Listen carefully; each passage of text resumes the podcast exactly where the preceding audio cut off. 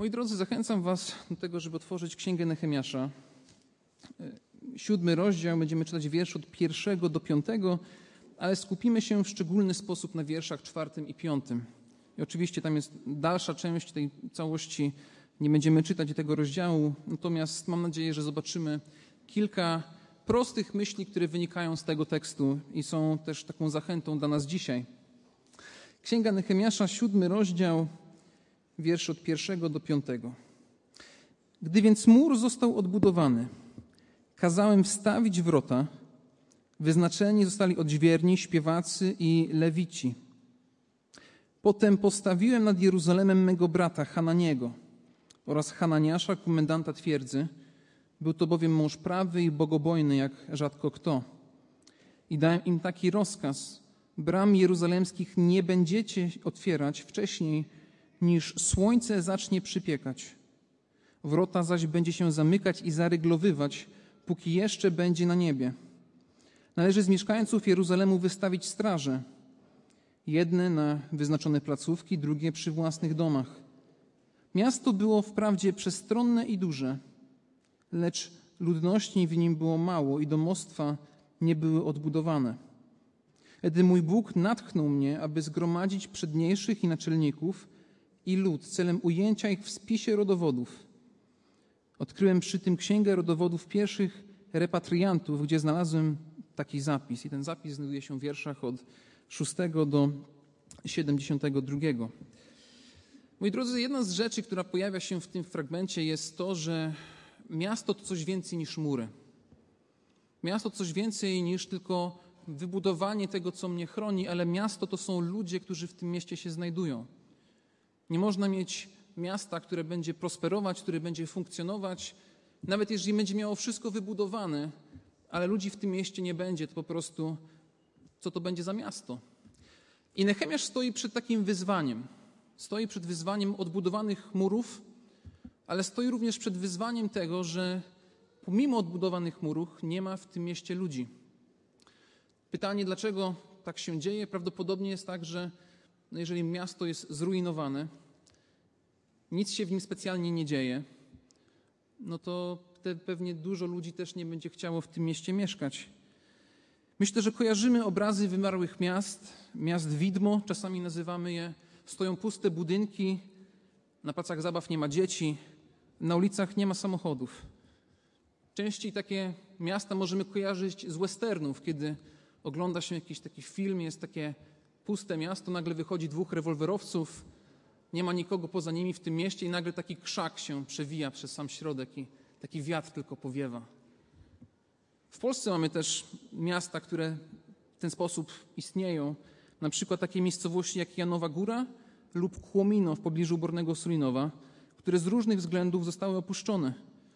I w Kłominie na przykład, jeżeli się zobaczy na zdjęcia, to są po prostu stare bloki, wybite szyby i ludzi tam nie ma. Więc istnieje miasto, stoi miasto, ale brakuje ludzi, którzy mogliby z tego miasta zrobić coś więcej. Więc Nehemiasz stoi przed tym wyzwaniem. On musi zachęcić ludzi do tego, żeby wrócili, żeby miasto ludu Bożego, miasto, w którym Bóg ma przebywać poprzez swoją świątynię, było żywym miastem, żeby to nie było puste miejsce, puste ludnościowo i też puste duchowo. I robi Nehemiasz po pierwsze jedną rzecz, to jest ta, o której mówiliśmy ostatnim razem, czyli przygotowuje najpierw pewne struktury dla tego miasta, przygotowuje pewnych przywódców, którzy pomagają mu w zarządzaniu tym, co jest powierzone. A teraz już konkretnie po tym, jak ustanowił tych przywódców, kieruje sprawę do nich oraz do ludu, który tam się obecnie znajduje. Ludzie, którzy mieszkają obecnie w Jerozolimie, to jest mniej więcej jedna pięćdziesiąta tego, co było przed wygnaniem. Jedna pięćdziesiąta. Czyli na tysiąc osób to dzielimy przez 50 i wychodzi nam 200. Dokładnie tak. Trzeba szybką matematykę w głowie zrobić.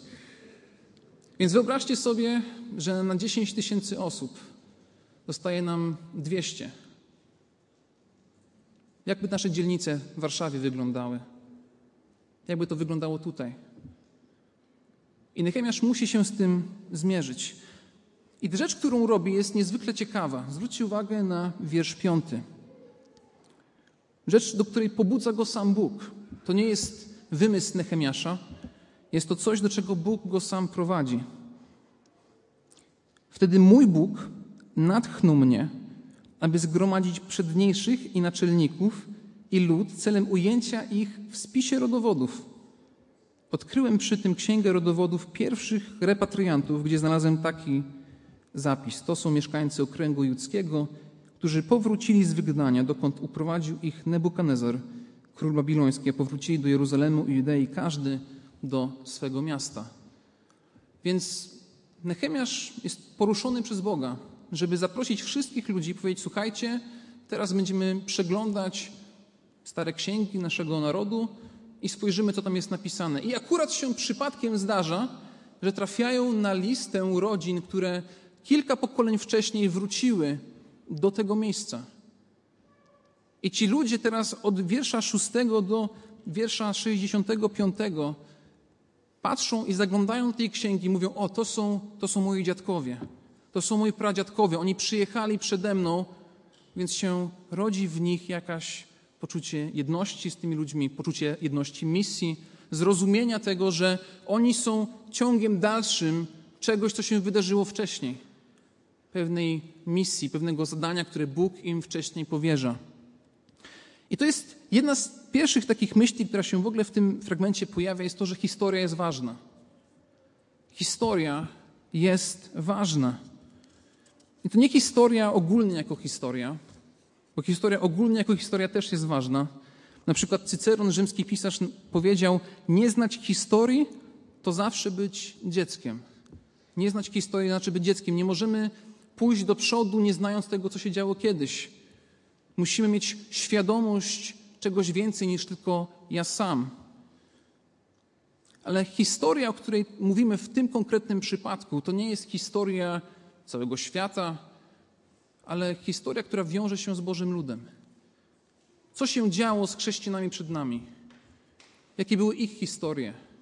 Czego oni doświadczali w swoim życiu? I chciałbym Was zachęcić, żeby nie było, że tylko to jest jakiś taki mój wymysł, jakiś taki mój wniosek, taki troszkę z czapy, to zachęcam Was do listu do Hebrajczyków 12 rozdziału i przynajmniej wiersz pierwszy. List do Hebrajczyków 12 rozdział, wiersz pierwszy.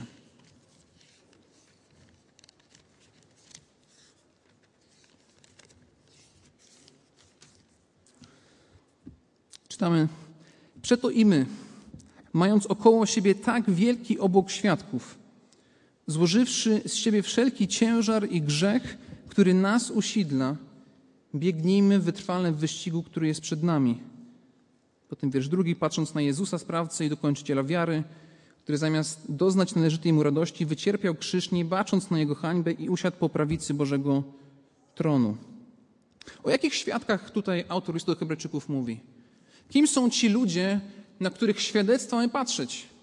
Kim są ci ludzie, na których mamy się powoływać i widzieć, oni tak żyli, to była ich wiara, więc ja chcę żyć tak jak oni. Oni są zachętą dla mnie, są mnie zbudowaniem. I myślę, że kojarzymy, że cały rozdział jedenasty to jest jedno duże drzewo genealogiczne wiary. Jest to jedna duża historia tego, jak wiara wyglądała przez wiele pokoleń u wielu różnych ludzi. Możemy na przykład czytać o tym, jak y, Gedeonie i Samuelu. Cóż powiemy? Cóż powiem jeszcze? Wiersz 32. Zabrakło mi przecież czasu, gdy miał opowiedzieć o Gedeonie, Baraku, Samsonie, Jeftem, Dawidzie i Samuelu, proroka, którzy przez wiarę podbili królestwa, zaprowadzili sprawiedliwość, otrzymali obietnicę, zamknęli paszczę lwom, zgasili moc ognia, uniknęli ostrza miecza, podźwignęli się z niemocy, stali się mężni na wojnie, zmusili do ucieczki obce wojska. Wiele takich historii mamy w Starym Testamencie. Mamy wiele różnych historii, które czytamy, i to nie są tylko historie, jakieś takie opowiadania. To nie są takie historyjki, których mamy się trzymać, bo mają po prostu jakąś dobry morał w tej historii, którego możemy się chwycić.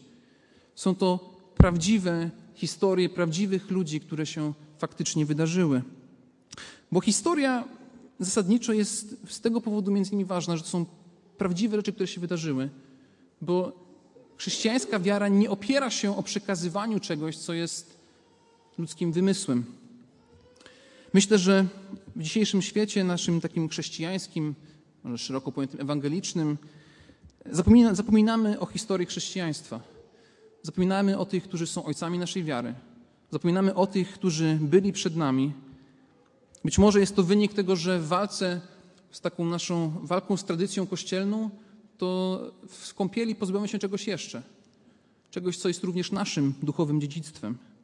Ktoś inny może myśleć, że obecnie chrześcijaństwo jest najlepsze i my w XXI wieku najlepiej wiemy, jak chrześcijaństwo robić. Więc nie potrzebujemy słuchać się innych głosów, które gdzieś tam kiedyś były, bo my dzisiaj wiemy lepiej. Ktoś inny jeszcze może chcieć żyć w pewnej bańce, być może pewne fakty z historii nie są dla nas najłatwiejsze, więc unikamy tych historii, unikamy wiedzy o tych, którzy byli przed nami, bo boimy się, że to może zaburzyć nasze spojrzenie na pewne rzeczy. A ostatni powód może być bardziej prozaiczny, ponieważ kiedy już się mówi samo słowo historia, to już powoli ziewamy, zamykamy oczy, zasypiamy, nie chcemy tego słuchać. Lekcje może w szkole nas nauczyły właśnie tego, żeby no jak coś tam nauczyciel powie, to to już minie. Jednak historie, o których my czytamy, o których my wiemy, że są prawdziwe, są historiami, które mają pewien cel. Mają nam ukazywać coś więcej niż tylko my sami. Jak już wspomniałem, religia chrześcijańska jest oparta o historię. Chrześcijańskie przesłanie nie jest oparte o fikcję. Chrześcijańskie przesłanie nie jest wymysłem ludzkiej wyobraźni. Chrześcijańskie przesłanie nie jest zbiorem jakichś filozoficznych idei, ale jest oparte o dwa historyczne wydarzenia: ukrzyżowanie Chrystusa i jego zmartwychwstanie. Jeśli ktoś z nas dzisiaj siedząc tu na sali byłby tam dwa tysiące lat temu, to moglibyśmy podejść do krzyża Chrystusa, dotknąć się tego krzyża. Gdybyśmy byli tam dwa tysiące lat temu, nasze oczy by zobaczyły pusty grób. To są pewne fakty, które po prostu miały miejsce w historii i te fakty potem sprawiają, że my mamy coś w naszym życiu duchowego więcej. Mówienie, że historia nie jest ważna, uderza czasami rykoszetem w samo sedno i podstawę naszej wiary. Po drugie, chrześcijańska historia inspiruje, zachęca, buduje, pokazuje, że Kościół przez lata to byli ludzie, którzy byli grzeszni, którzy potrzebowali Bożego wzmocnienia. Herosi wiary w Starym Testamencie, jeżeli zobaczycie i czytamy o nich, to często są ludzie, którzy mają jakieś poważne problemy. A jednak Bóg podnosi ich, zanosi ich na inne miejsca, prowadzi ich w miejsca, w których czasami nie chcą być i pokazuje, że to również ma miejsce z nami. Myślę, że nikt z nas, jak tutaj siedzi, nie przyzna, że jest całkowicie idealny. I czytanie różnych historii, zarówno tych z Biblii w szczególności, ale również biografii oraz innych historii, które świadectw ludzi, którzy żyli przed nami, dają nam szerszą perspektywę na nasze własne życie duchowe. Po trzecie, żeby to nie było, że to jest jakiś wykład na temat samej historii, to chcemy zobaczyć, że chrześcijańska historia uczy nas Bożej wierności przez wieki. I powinniśmy się troszczyć o tą Bożą historię. Otwórzcie proszę Psalm 105. Psalm 105, wiersze 4 i 5 i potem przeczytamy wiersze od 41 do 44. Jest napisane: Szukajcie Pana i mocy Jego, szukajcie zawsze oblicza Jego. Pamiętajcie, uwaga, o cudach, które uczynił, o znakach i wyrokach ust Jego. Do czego nas psalmista zachęca? Do pamięci. O tym, żeby wspominać, aby pamiętać o tym, co się kiedyś wydarzyło. I cóż to jest takiego, co się wydarzyło? Do czego zachęca właśnie tych ludzi, którzy czytają ten psalm? Czytamy wierszu od 41 do 43. Ale ubogiego podniósł. Nie ten wiersz. Jedną kartkę za daleko. Czytamy o Bożych cudach, takie jak, że rozszczepił skałę i trysnęły wody, popłynęły strumieniem na pustyni. Wspomniał bowiem na swoje słowo święte, na Abrahama swojego sługę i wyprowadził lud swój wśród wesela, wśród radosnych śpiewów wybrańców swoich, potem dał im ziemię narodów i posiedli dorobek ludów, aby przestrzegali ustaw Jego i zachowali zakon Jego. Historia chrześcijaństwa jest historią Bożej wierności. To jest historia tego, że Bóg się przyznaje, że Bóg działa, że Bóg swojego ludu nie opuszcza i nie opuszcza go w różnych sytuacjach, które mają miejsce na przestrzeni wieków. My mamy nasze czasy, mamy XXI wiek, ale Bóg tak samo jest wierny w naszym wieku, jak był wierny w V wieku, w VI, w VII, w czasach, które dla nas są bardzo odległe. Ale Bóg jest wierny. Kilka pokoleń mija, a Bóg dalej jest wierny. Kiedy się urodzą dzieci, urodzą się wnuki, to Bóg dalej jest wierny. I przyznaje się do swojego ludu, i my jesteśmy częścią jednej dużej historii. To jest coś doprawdy wyjątkowego, kiedy się czyta świadectwa ludzi i mówią: Bóg mnie uratował w ten sposób. Bóg mi dodał mądrości w tym momencie. Bóg jest łaskawy wobec nas, troszczy się o swój Kościół i Bóg używa kobiet i mężczyzn do tego, żeby Ewangelia była roznoszona po krańce ziemi. I ktoś się może zapytać, dobrze, to jak to zastosować dzisiaj? Nie chcę czytać całego tomu jakiejś chrześcijańskiej historii. Można zacząć od znalezienia może dobrej biografii misjonarza, misjonarki, przeczytać, zastanowić się, zobaczyć, z czym oni się zmierzyli. Czytać Stary Testament, w którym mamy wiele przykładów wiary. Warto zobaczyć list do Hebrajczyków, 11 rozdział, zobaczyć, gdzie te przykłady wiary się pojawiają i w jaki sposób Nowy Testament odnosi się do tego. Ale moi drodzy, nie możemy zapominać o historii, ze względu na to, że chrześcijaństwo jest historyczne, jest oparte o historyczne fakty. Natomiast pytanie jest takie, jaki jest cel Nehemiasza w tym, żeby w ogóle powoływać się na historię? Jaki jest sens tego, żeby on tutaj, w tym konkretnym miejscu, wezwał ludzi, zaprosił ich powiedzieć: Słuchajcie, przejrzyjmy sobie stare akta. Dla nas dzisiaj to nie jest nasz pomysł na to, żeby budować kościół. To nie jest nasze spojrzenie. My raczej myślimy: Dobra, musimy wyjść na zewnątrz, zrobić jakieś szczególne programy, żeby zapełnić tutaj może salę. To jest nasza współczesna perspektywa. Nehemiasz robi coś innego. On otwiera i czyta rodowód. Bo rodowód w starożytnym Izraelu, ciągle u Żydów, wiąże się z tożsamością. Wiąże się z tym, kim jestem i co mam robić, jak mam żyć, jak postępować. I kiedy się pokaże komuś jego tożsamość, to się perspektywa właśnie zmienia. Celem przypomnienia historii, celem odczytania rodowodu jest przypomnienie historii i nadanie tożsamości ludu, który był na wygnaniu, który tego, tej tożsamości nie posiadał. Nie wiedział do końca, kim jest, ale ci ludzie mogli spojrzeć wstecz, mogli zajrzeć do księgi i mogli powiedzieć: O, to są moi przodkowie. Ja tych ludzi znam. Miałem w tym tygodniu bardzo ciekawe doświadczenie, bo zadzwonił do mnie mój tata z telefonem i mówi: Janek, przeglądałem jakieś stare rodzinne dokumenty i stało się tak, że znalazłem jakieś stare kwity pocztowe. To było jakieś potwierdzenie nadania paczki przez jego babcię czy prababcię. I na tych kwitach były imiona i nazwiska pewnych ludzi, do których były te paczki wysyłane za granicę. Mój tata zrobił szybką, szybkie wyszukiwanie w Google. Okazało się, że ci ludzie, ta rodzina ciągle gdzieś tutaj mieszka w Polsce, zadzwonił, się zapytał, no dzwonię, bo znalazłem takie kwity, e, czy może kojarzycie jakąś taką historię, czy to jest może jakaś pomyłka? Okazało się, że nie. Że jest część gdzieś mojej rodziny tutaj w Polsce, której ja nie miałem pojęcia, ale z jakiegoś powodu udało się ich odnaleźć, bo spojrzeliśmy wstecz. Naturalnie się rodzi jakiś więź między nami już dlatego, że jesteśmy rodziną. Po prostu już coś między nami zostało gdzieś zawiązane. Notabene też jest pewna przestroga, jeżeli chodzi o wyszukiwarkę Google'a. Nigdy nie wiesz, co tam znajdziesz. Rodzina może tam mieć różne, różne rzeczy. Ale ani oni nie mieli o nas pojęcia przez wiele lat, ani my nie mieliśmy o nich pojęcia przez wiele lat. Ale w tym momencie stało się coś cudownego, że być może, jeśli Bóg da, uda się nam wspólnie spotkać, żeby gdzieś się lepiej poznać. Jest naturalna więź, która wiąże się po prostu z drzewem genealogicznym naszej rodziny. I podobnie jest tutaj w księdze Nehemiasza. Jako Boża rodzina, już mówiąc konkretniej do nas dzisiaj, mamy również pewną tożsamość. Mamy pewne dziedzictwo wiary przekazywane z pokolenia w pokolenie. I kiedy zaczynamy to rozumieć, kiedy zaczynamy się do tego przyznawać, to zaczynamy rozumieć, że chrześcijaństwo to jest coś więcej niż tylko ja tu i teraz. Że są ludzie, którzy byli przede mną, są ludzie, którzy będą po mnie, a ja jestem częścią tego wszystkiego. Jest to coś, co Bóg czyni przez wieki, jest to Boże trwałe dzieło.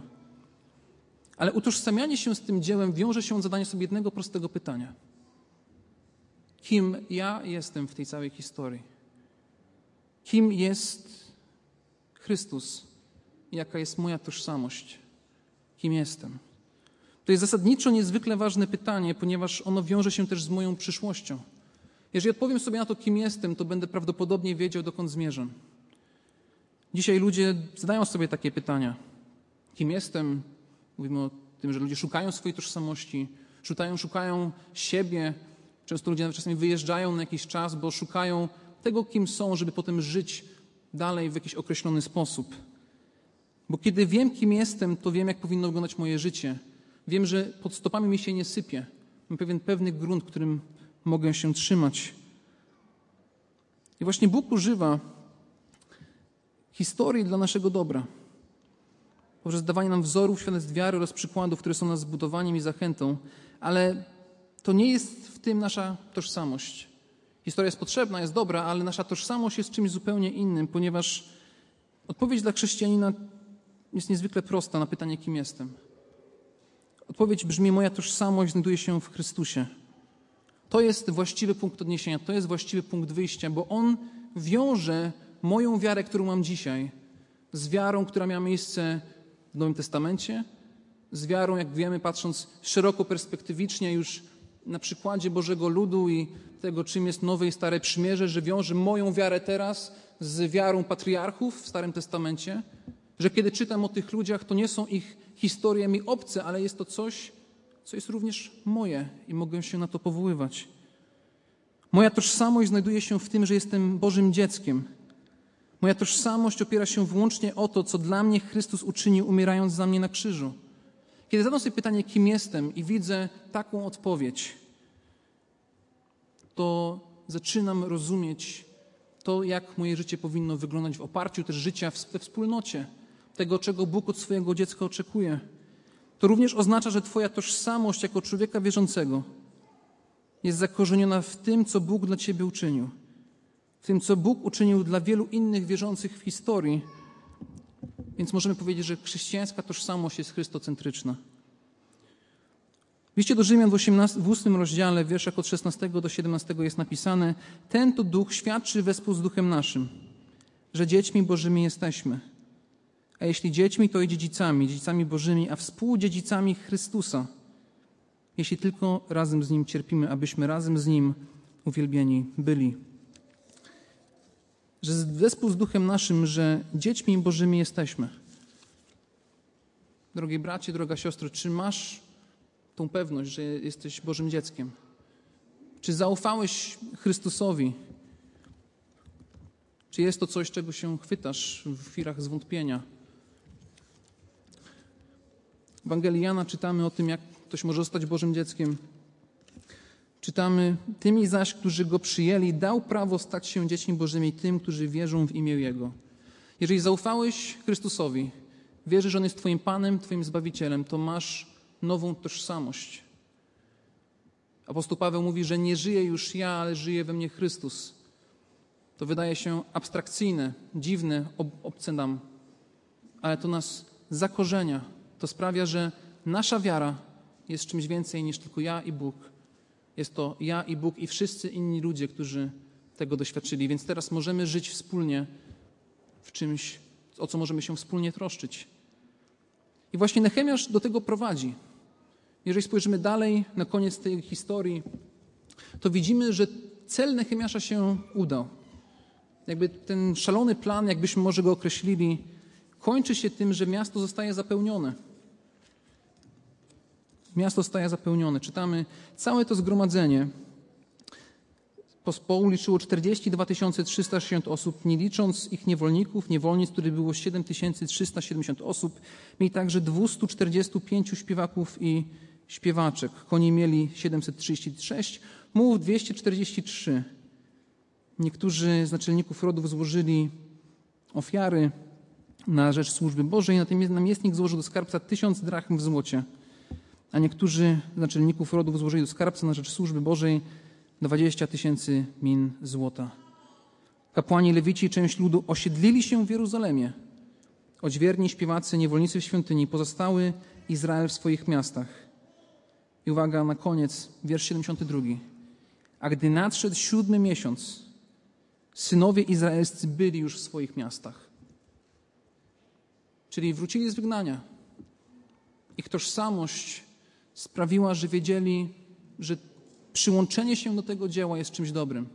Nawet jeżeli to jest trudne, nawet jeżeli warunki życiowe nie sprzyjały im w tej sytuacji, to historia zakończyła się tym, że przez to, że wiedzieli, kim są, wiedzieli też, dokąd mają iść. Więc moi drodzy, chciałbym zakończyć to kazanie właśnie z tą, z tą myślą. Czy ty dzisiaj wiesz, kim jesteś? Czy twoja tożsamość opiera się o coś innego niż Jezus Chrystus?